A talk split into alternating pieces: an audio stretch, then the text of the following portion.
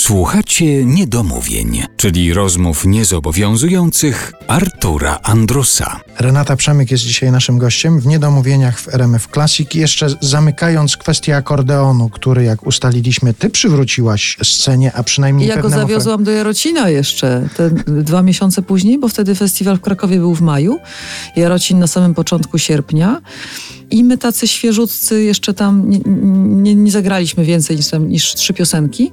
Raz taka próba generalna na famie była, nieudana zresztą. Mhm. I ja tylko tam jeździłam i wiedziałam, y, na co się pisze. Chłopaki nie. Myślałam, że tam pouciekają ze strachu, jak zobaczyli, jak to wygląda naprawdę. I tam pokazać się z akordeonem i kontrabasem, no to zakrawało na samobójstwo.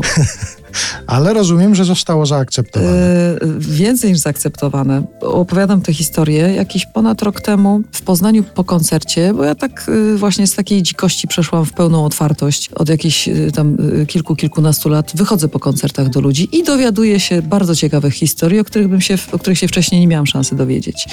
I przychodzi mężczyzna w ramonesce i mówi, Renata, to jest ta kurtka, to jest ta kurtka, w 89 miałem ją na sobie i ja byłem po drugiej stronie i tylko fryzurę miałem inną, bo miałem takiego irokeza.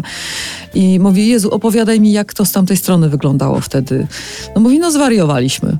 No wyszła panna po prostu z tym akordeonem w jakimś tam, kurczę, żakieciku, mówi, gładko zaczesana, no, na bezczelnego. Konsternacja. Na początku oni byli jak wryci, nie wiedzieli w zasadzie o co chodzi. Po Moskwie przed Gardenią graliśmy.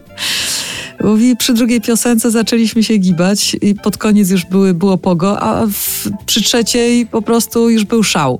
I dla mnie to był taki chrzest bojowy. Ja stwierdziłam, zresztą myślę, że taki naprawdę tak podświadomie był, miałam taki plan, że, że, że ja, jak tam się sprawdzę, jak tam się uda, jak tam mnie przyjmą dobrze, to ja mam prawo zostać na tej scenie. To jest tu dla mnie miejsce i tak też to odbieram i tak to czuję. Akordeon był w domu? Ktoś grał na akordeonie? Nie, i nikt, nie grał na niczym. wujków, Nikt nie grał. cioć, nikt? Nikt, nikt. Ja się po wielu, wielu latach dopiero dowiedziałam, że pradziadek ze strony mamy y, miał skrzypce w domu i coś tam grał. Dlatego o to zapytałem, bo przypomina mi się taka fraza, której Andrzej Poniedzielski użył w jednym ze swoich tekstów. Akordeon w domu to harmonia w rodzinie.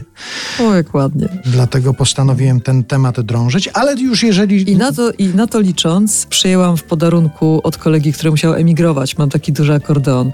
Nie gram co prawda, ale mam. I jest harmonia. I liczę, że ta harmonia się gdzieś tak jeszcze rozprzestrzeni. Tak.